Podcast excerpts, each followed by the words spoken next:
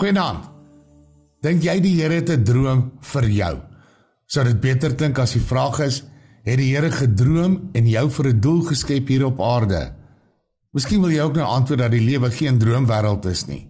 En met dit gesê kan jy ook nie die lewe as 'n nagmerrie beskryf nie of van nagmerrie ervarings praat nie.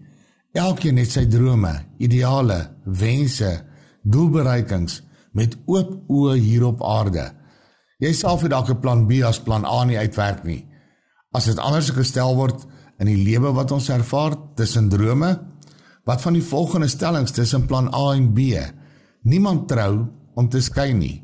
Niemand kry kinders om hulle weg te gooi nie. Niemand plant sonder om 'n oes te verwag nie.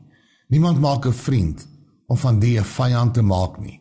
Eenvoudig is dit net dat niemand lewe sonder om asem te haal nie. Solank jy lewe, leef jy die Here se droom en doel vir jou. Hy het jou buite beheer geplaas van sekere spiere soos ooglede, hart, maag en organe soos longe, lewer, niere.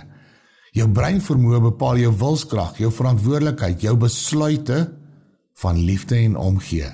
Dit bepaal jou menswees. Alles deur die Here geskep. Maak nie saak hoeveel planne jy het nie. Psalm 56 sê Dawid in moeilike omstandighede, deur God sal ek die woord prys, deur die Here sal ek die woord prys.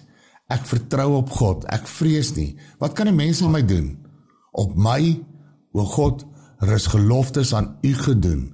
Lofoffers sal ek U betaal, want U het my siel gered van die dood. Ja, my voete van struikeling om te wandel voor die aangesig van God in die lig van die lewe.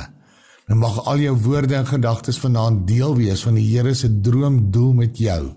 En jy hom daarvoor loof en prys want selfs wanneer die donker nag verdwyn, bly hy die God van jou lewe.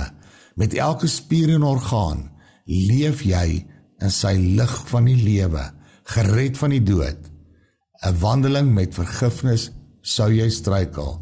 Mag jy lekker slaap en weet die Here ontmoet jou met jou menswees in sy droom en ons bid vir diegenes wat buite sy droomdoel lewe. Amen.